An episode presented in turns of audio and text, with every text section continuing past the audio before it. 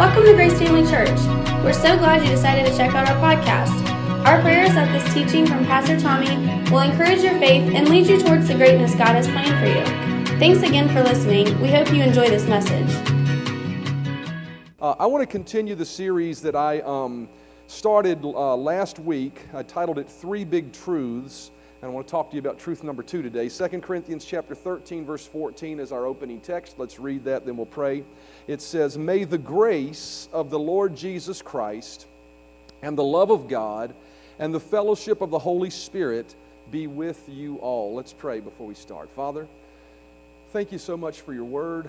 Uh, I just, I'm so grateful for uh, the privilege and the opportunity to stand before people and minister your word. I recognize that it is an absolute privilege. I recognize the responsibility of it, and I ask you to help me minister your word to your people. Holy Spirit, great and mighty Holy Spirit, flow through me to your people and bring revelation, bring truth, bring understanding, solidify our understanding of who you truly are this morning. I give you praise and thanks for that. Thanks for using me. Thanks for helping your people. And thank you that by the end of this, we'll be able to say we're better because we came to church today. I thank you for it, Father, in Jesus' name. Amen. You know, uh, as I said last week, we started a series based on this verse of Scripture. I titled it Three Big Truths. And, you know, I pointed out that, you know, this is right at the end of Second Corinthians, uh, right at the end of the second book of Corinthians um, that Paul wrote to the Corinthian church. And one of the things that um, he said here was he actually listed three things as he was really offering sort of a note of goodbye to them. Um, and, and, I, and so it was one of the last things he encouraged them to embrace or to have a part of their life. And as I thought about that and prayed about that, I, I you know, I recognized that everything that, that, that's in the Scripture, the Holy Spirit inspired it to be recorded. So really, you know, we could often say that it, this wasn't Paul's message to us. This is the Holy Spirit's message to us through Paul. And, and, I, and, and so, you know, there, there's not a um, misrepresentation of any word that is written in Scripture. Matter of fact, in Revelation, it tells us we shouldn't add to or take away from any of it. It's all relevant. And as I was thinking about, you know, the, the, the context in which, which this was shared, Paul felt led to share this at the end of his writings to the Corinthian church, which to me sort of lends itself to, man, this is one of the last things I really want you to remember, right? You know, I know about my, my kids, you know, uh, when they, when they, uh, especially Zach and, and, um, and uh, Remy, when they're able to go out, right, and they're driving and doing different things. One of the things I, I've always said to Zach and I always say to Remy is, hey, right before they leave, the last thing I say is make good choices, right? Why do I say that? Because I want them to remember that, right? And so Paul, in writing here in 2 Corinthians chapter 13, I truly believe this was something that the Spirit of God inspired him to say as something that, that was really important.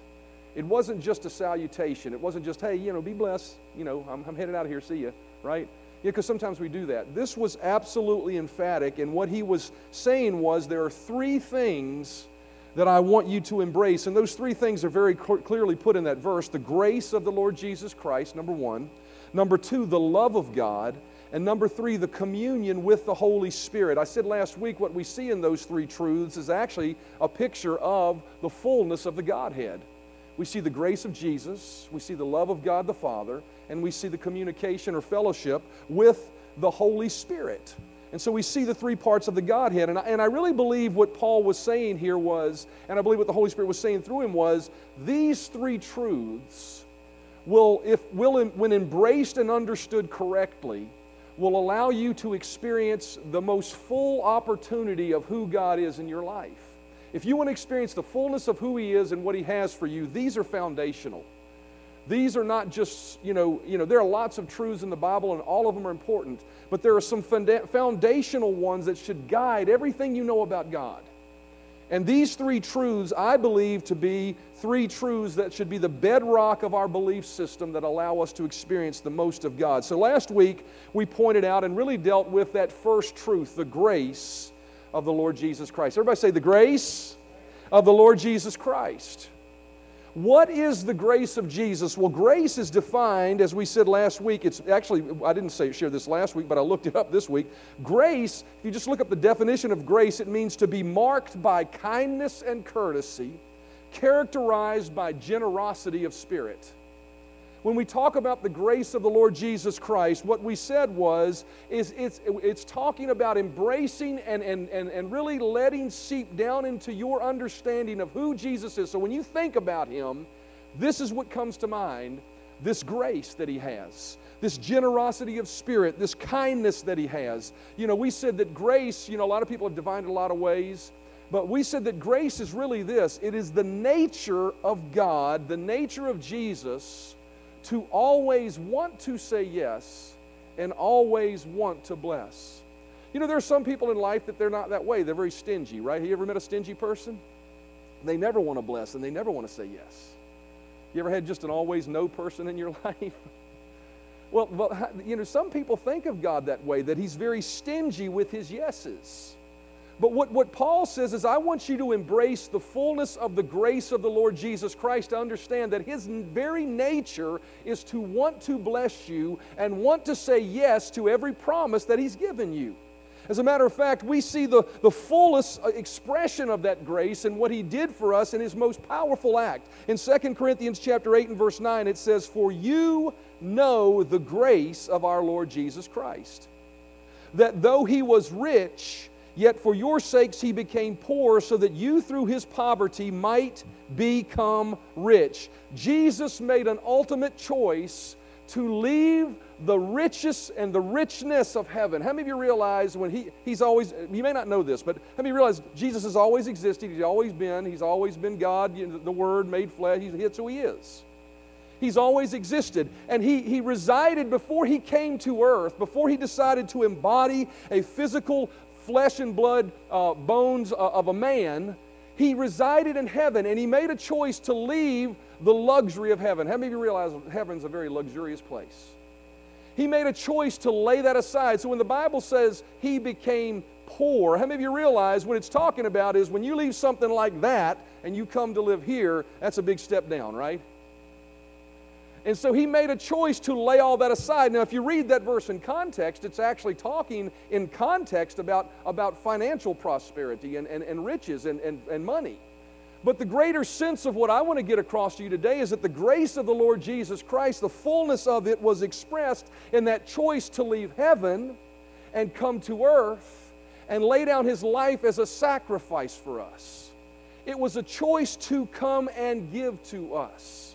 It was a gracious, giving nature. And that single expression of His grace opened the door for His benevolent nature to always be shared with us. 2 Corinthians chapter 1 and verse 8 says, But as God is faithful, our word to you was not yes and no.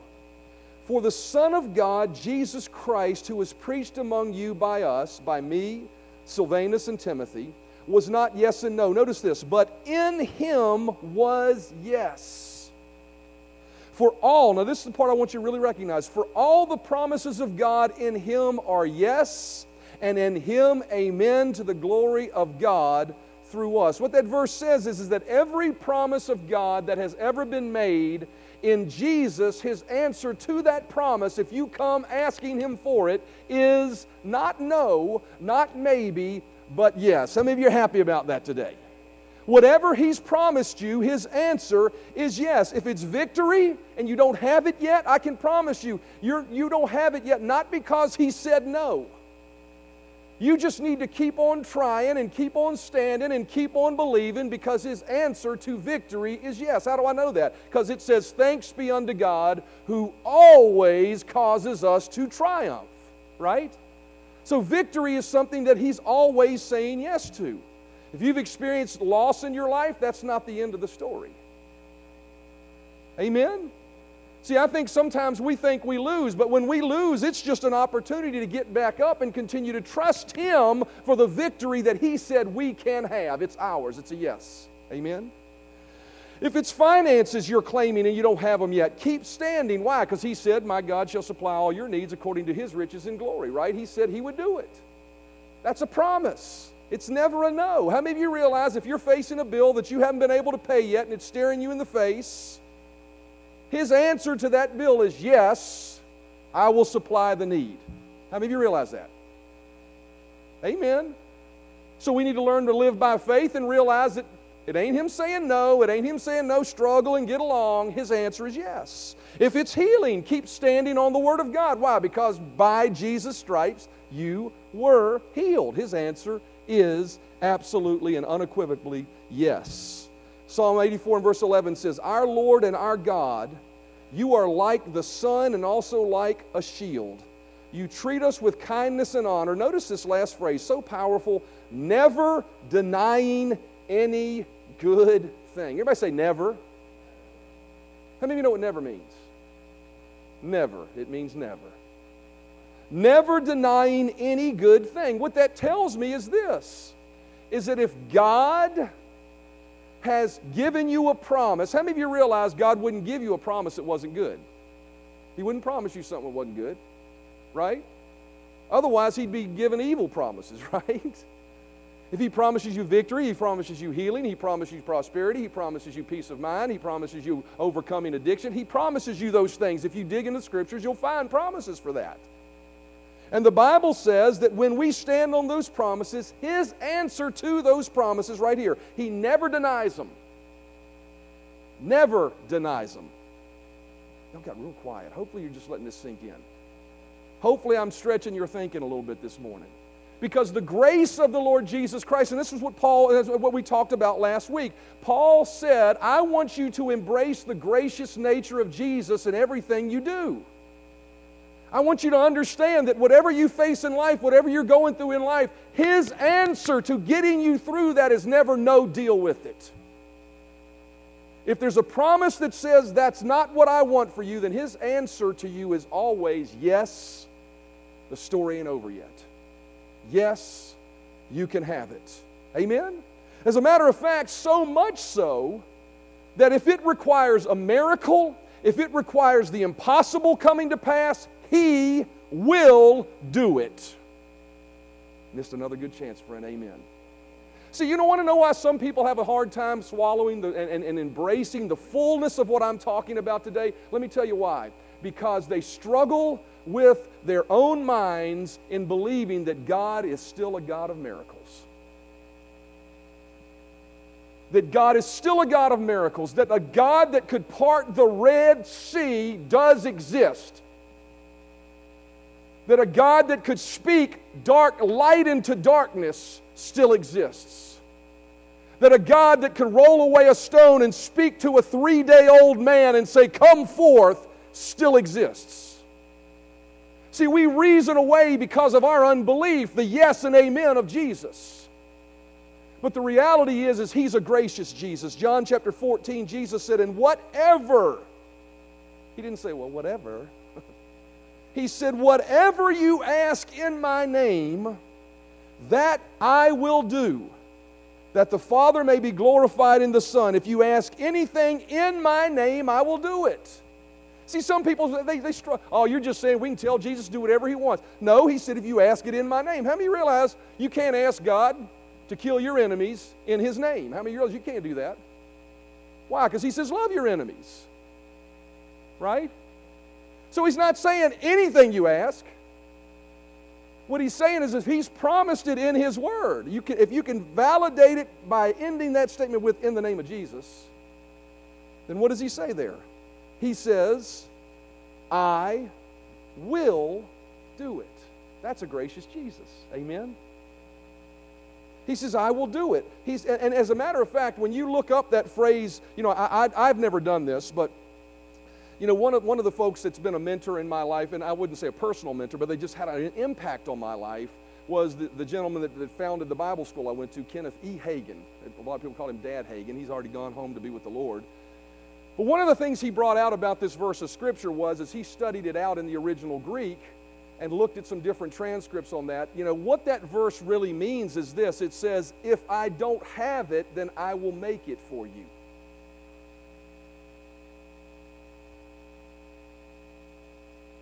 So, what the verse of how many how many facing things in your life right now you don't have that you need to have? Amen. And how many struggled in your mind with, well, how am I going to get that? You ain't got to worry about figuring out how you're going to get it. When you believe in a gracious, always say yes, always want to bless Jesus, then all you need to do is ask in Jesus' name and then start thanking Him for it. Start thanking Him that He's behind the scenes doing things you can't see, bringing miracles to bear if necessary to bring it to pass. He's saying, I will create something out of nothing if necessary. I will do the impossible. I'll bring miracles and signs and wonders if that's what the situation requires. See, what I'm really challenging you with in this series is God wants to bring us, see, we've been talking about moving up higher and all these different things. And that's not just some ooey gooey place in Jesus I'm talking about, I think God wants us to get to. How many of you ever been to an ooey gooey place? I, you know, I've, I've, been in places where it's like, man, this is like liquid love I'm swimming in right now when, when, when I've been alone with Jesus. I've had those moments, and I'm, I have them often. But that's not what that's not the end of the story. Jesus wants to bring us to a place where we are the people that walk in the miraculous miracle working power of God. And it requires, first of all, you truly believing that whatever it is you're asking for that He has promised, that His answer is not maybe, not might, not wait. His answer is yes, I'll do it. And so the gracious nature of the Lord Jesus Christ lets us know the first thing we should be embracing in our life is that His answer to me when I show up is not, well, let's think about this one. His answer to me is yes. I've told you that, you can have it. I died on the cross and shed my blood for it, so you qualified for it. So the answer is yes. Amen? Amen. Today I want to talk to you about the second big truth, 2 Corinthians chapter 13 and verse 4. Let's go back. It says, May the grace of the Lord Jesus Christ and the love of God, everybody say the love of God. Now, I tell you, that love of God phrase is an interesting phrase, and I'm going to touch on it again at the end of this series. Because how many of you realize we should love our neighbors? We should love our neighbors. But today, I don't want to talk to you about loving your neighbor because the Bible tells me this I can't love my brother if I don't know God.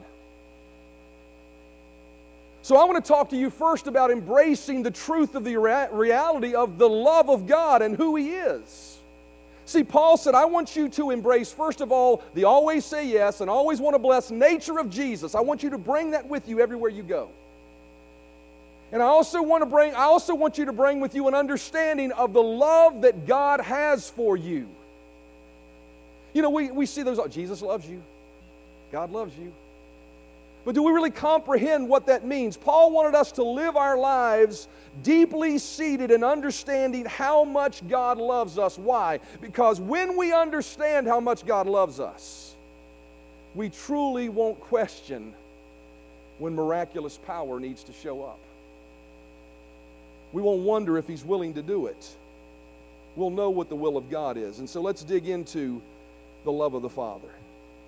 You know, one of the things I said last week was, and it's really interesting, how many of you realize Jesus said, You shall speak to your mountain and it shall be removed? And I made this statement last week, and, and it really stuck with me. And I want to just touch on it again as we move through the love of God and we move through all of this series. You know, so many times I think there are far too many believers who have settled to be mountain climbers instead of mountain movers. How many of you realize there's a difference in a mountain climber and a mountain mover? A mountain climber says, A mountain's in my way, so I'm just going to have to climb it. But Jesus said, If you believe, you shall speak to your mountain and it will be moved. Well, that tells me you won't have to climb it, you just walk on through. Amen? And I truly believe that these truths, when embraced properly in our life, have the capacity to turn us into mountain moving people instead of mountain climbing people. You know, that, that's a nice little catchphrase, but let me just bring that down to real life. How many people in life have settled for a mountain and said, well, you know, I'll just deal with it. Me and Jesus will deal with it. And that's, a, how many of you realize if that's where you're at, that's fine? Because Jesus will help you right there. Why? Because He's an always want to say yes and always want to bless Jesus. He'll help you climb your mountain. But the reality is, is God wants to bring us to a place where we're so confident in Him that, that our belief allows us to look at mountains and see them be removed. So that supernaturally He does things and we're not doing it in our own strength as He quickens us. So, you know, that's that's one way to do it. But how many realize when Jesus had a bill to pay, He said, just go catch a fish. There's a coin in his mouth. Now, that seems incredulous to some people. How many of you realize that's in the Bible? You got a choice to make. Do you believe it or do you don't believe it's true? I choose to believe it's true. And I believe God wants us living by that kind of supernatural nature. Why? Because that's how Jesus lived, and He was our example. Jesus didn't come to show us what we couldn't be, He came to show us what we could be. Amen? So He's a gracious Jesus, and He wants us to understand the love of the Father this morning. So let's dig into the love of the Father. Psalm 103, verse 11, it says, For His unfailing love is as great as the heights of the heaven heavens and uh, uh, above the earth. Scripture teaches us that more than anything else, God is love. And his nature is so much deeper and so much higher and so much grander than natural human love. That's what this verse says. It says, as high as the heavens are above the earth. You cannot find the epitome of love anywhere else except within who God the Father is and Jesus and the Holy Spirit are. He is love. It's so much greater than a human love. And what are the characteristics of that love that make it so much greater? I want to talk about that this morning. But before we do that, I want you to understand, first of all, that God doesn't just have love, He is love. what do I mean by that? You know, if. Uh, you know, sometimes I think we think about love in this regard with God, that it's some tool in his toolbox and he chooses to pull it out when he wants to show it to us. But God isn't a God that just pulls out love. He is actually love epitomized. He oozes love. That's who He is. If you touch Him, it's love. If you experience Him, it's love. 1 John chapter 4 and verse 7 says, Beloved, let us love one another, for love is of God. Love is of God. It comes from Him. It's the essence of who He is. And everyone who loves is born of God and knows God, and who does not love does not know God. Notice this, for God is love. Notice that love comes from God and that He is love. Love is not a tool in His toolbox that he decides to take out, but it comes forth with him. And along with, you know, uh, so, so what that tells me is this we need to understand that God's very first response to us in every situation is love. Do you really see him that way this morning? Or do you see him? You know, as we sing about the name of Jesus, it's a powerful name. What a powerful name it is. Do we see that aspect of who he is? That's absolutely important. But we do, do we see that above how much He loves us? And so we see Him as a powerful God that we're distanced from because we could never be like Him? Do we see His holiness and see that our imperfection separates us from Him? Or do we see that His first response to our life is love? Those are the characteristics of who He is. And so I want to talk to you about the essence of who He is. Number one, His love is a pursuing love. Everybody say a pursuing love. Jeremiah chapter 31 and verse 3 says, Lord, the Lord hath appeared of old unto me, saying, Yea, I have loved you with an everlasting love. Therefore, with loving kindness have I drawn thee. Notice he's always loved us, everlasting love. And it says, because of this, he's been drawing us. That word drawn means to pull in or to march after. Doesn't just mean he's drawing us, sitting on his throne just waiting for us. Actually, one, one aspect and one translation of it in the Old Testament is he's marching after us. And so his love compels him to come after us. His first action in, in, in, in, uh, between us and him is to move toward us. Do we see God that way? Do we see a love that says, I'm coming towards you, you're not coming after me? Do we see that? You know, so far too often, so many times, people don't see that aspect of who he is. So many times we understand that, you know, we're reaching after God or we're clamoring for Him. But Romans 5 8 says, But God demonstrated His own love toward us in that while we were yet sinners, Christ died for us. While we were still separated from Him, He was the one moving towards us. He's the one knocking on our door. He's the one pursuing us. See, so many times we see ourselves as reaching out for God. But what Paul said was, I want you to embrace the love of God. I want you to understand you're not reaching out for Him, He's reaching out for you. That's so powerful. Revelation chapter 3 and verse 20 says, Behold, I stand at the door and knock. If any man hear my voice and open the door, I will come into him and I will sup with him and he with me. He's at your heart's door knocking this morning. He's not sitting back waiting for you to come to him. When we turn to him with a problem, he's already waiting to rush in. His nose, I, I underlined this and put it in green because I think it paints a picture of what we need to see about God. His nose is pressed against every window pane in your life, looking in.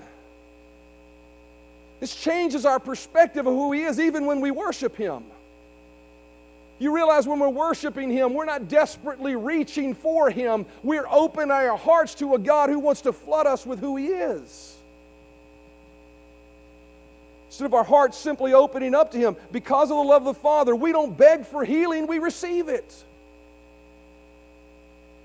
We don't beg for mountains to be moved, we speak to Him and He comes rushing in and moves them.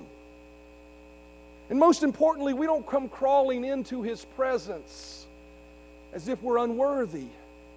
Why? Because even while we were sinners, He was coming after us. The love of God this morning is pursuing you. He's chasing you down. He, he, he, all he's asking you to do is just simply open your heart to him. It changes our perspective. The first characteristic is his love is pursuing. Second characteristic is his love is faithful. Psalm 103 and verse 11 says, For the unfailing love is as great as the height of the heavens and above, uh, uh, or above the earth, or above the earth. It says the unfailing love. Notice that word unfailing. That means that it doesn't stop, it never ceases. No matter what we do, no matter how many times we fail, no matter how many times we fall short, He is still coming after us. Lamentations chapter 3 and verse 22 says, The steadfast love of the Lord never ceases. His mercies never come to an end. They are new every morning. Great is your faithfulness. His love never stops. I remember when I was a young man and I was out doing what a young man shouldn't do, sowing my wild oats. And I remember coming home every night and laying my head on the pillow. And as I laid my head on the pillow, I could hear the Spirit of God whispering to me who I really was. I, you know, I, I often refer to it as a.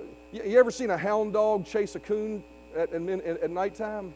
Oh, just keeps coming, keeps coming, keeps coming, keeps coming. God's love is relentless like.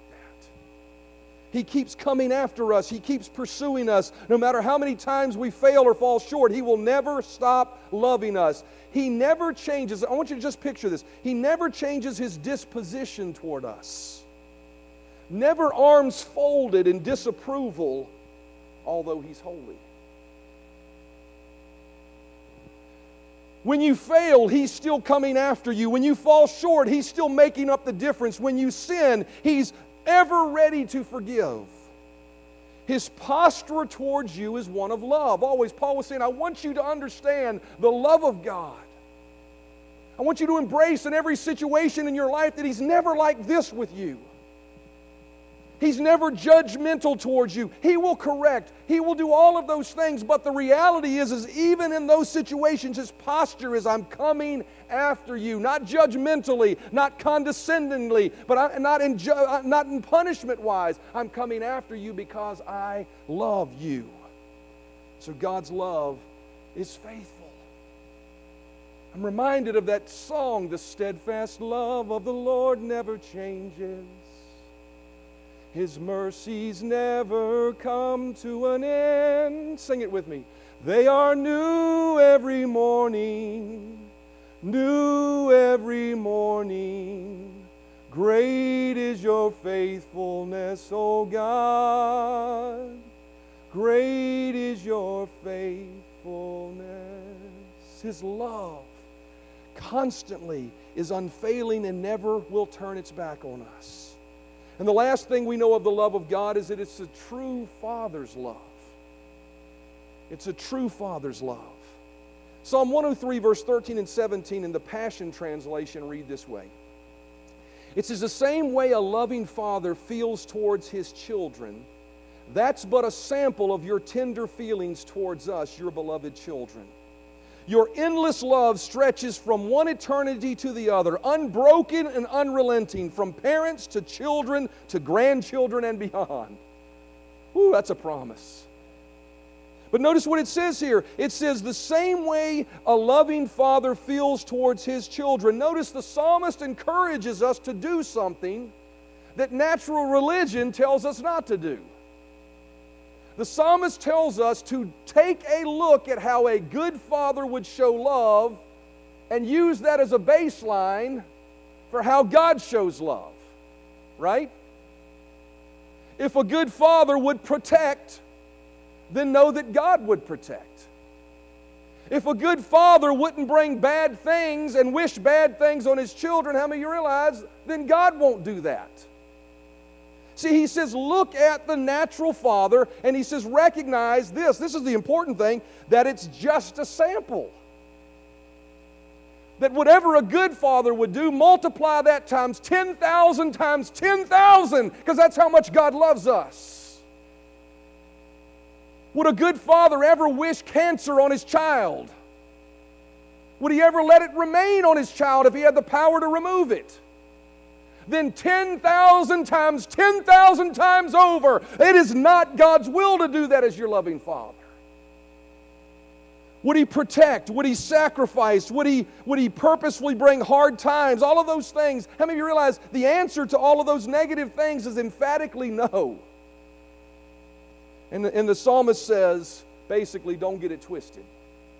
You ever heard that phrase today? Don't get it twisted. What does he mean by that? What he means, uh, what does the psalmist mean? He says, don't get it twisted. Don't, don't, don't let religion tell you, well, God has some sort of mysterious. If a natural father, it, it encourages us to do this, to use this logic. If a natural father wouldn't do it, or would do it, then God would do it 10,000 times over, or not do it 10,000 times over. Amen? Jesus encouraged us with the same natural logic. Matthew chapter 7, verse 9, verse 11. Which of you, if your son asks for bread, will give him a stone, or if he asks for fish, will give him a snake? If you then, though, if you though are, if you then, though you are evil, will make no sense, know how to give good gifts to your children, how much more will your Father in heaven give good gifts to those who ask him? He says, if a natural father would do it or wouldn't do it, how much more is God that way? But we try to, I, you want to know why? Once again, the reason we reason this away and try to put it in some mysterious nature of God bucket that we can't understand, in some loving way, He's doing that to somebody, something bad to somebody. The only reason we do that is because of our lack of belief.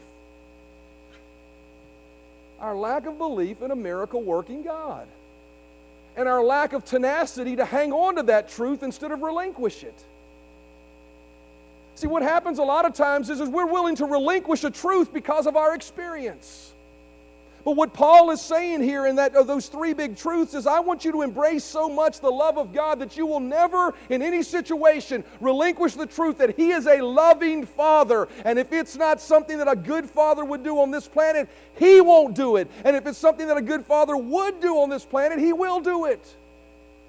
10,000 times over. Romans chapter 8 and verse 15 says, So you have not received a spirit that makes you fearful slaves. Instead, you've received God's spirit. When He adopted you as His own children, now we call Him Abba, Father. You are not some second rate citizen standing in a heavenly welfare line. You are a child of the King. Abba, Father is His name. And he's calling you into his lap to be his precious mijo or mija as he's Poppy to you. Grace and Hector aren't here today, but they would have shouted amen to that one. mijo, precious son. mija, precious daughter. Poppy, loving daddy. That's who he is. And so, the third trait that God wants us to embrace is the fact that we have a loving Father. He may be the Father that some have never had. But I will tell you if you have the epitome of what a good Father is, He is 10,000 times 10,000 times 10 million times over a better Father than that. And I refuse to ever stand in this pulpit and diminish his good father quality by allowing him something to be attributed to him that no father would wish on his children. As the musicians come, we need to embrace this truth of the love of God. a pursuing love, an unfailing love that issues forth from the heart of a good father. 1 John chapter 4 and verse 16 and 18 says, and we, have, and we have come to know and believe the love that God has for us. God is love. Whoever abides in love abides in God and God in him. And then notice this there is no fear in love, but perfect love drives out fear. Let me tell you why Paul wanted you to embrace the love of God so much because he did not want you living your life in fear of anything. See, when we face problems and fear creeps in, I'll tell you at the root of it is a doubt of whether God loves us enough to deliver his power to change it. But when we are deeply seated in this love of God and this grace to always say yes and want to bless Jesus, there is nothing we face that should cause us to fear. And that's what this verse says perfect love, understanding the unfailing, passionate, pursuing love of a father. That we're in trying times, He's rushing after us. When we're falling down, He's picking us up instead of judging us. That when we face mountains, He's willing to move if we will simply do as He said, just simply speak to Him. Believe He's willing.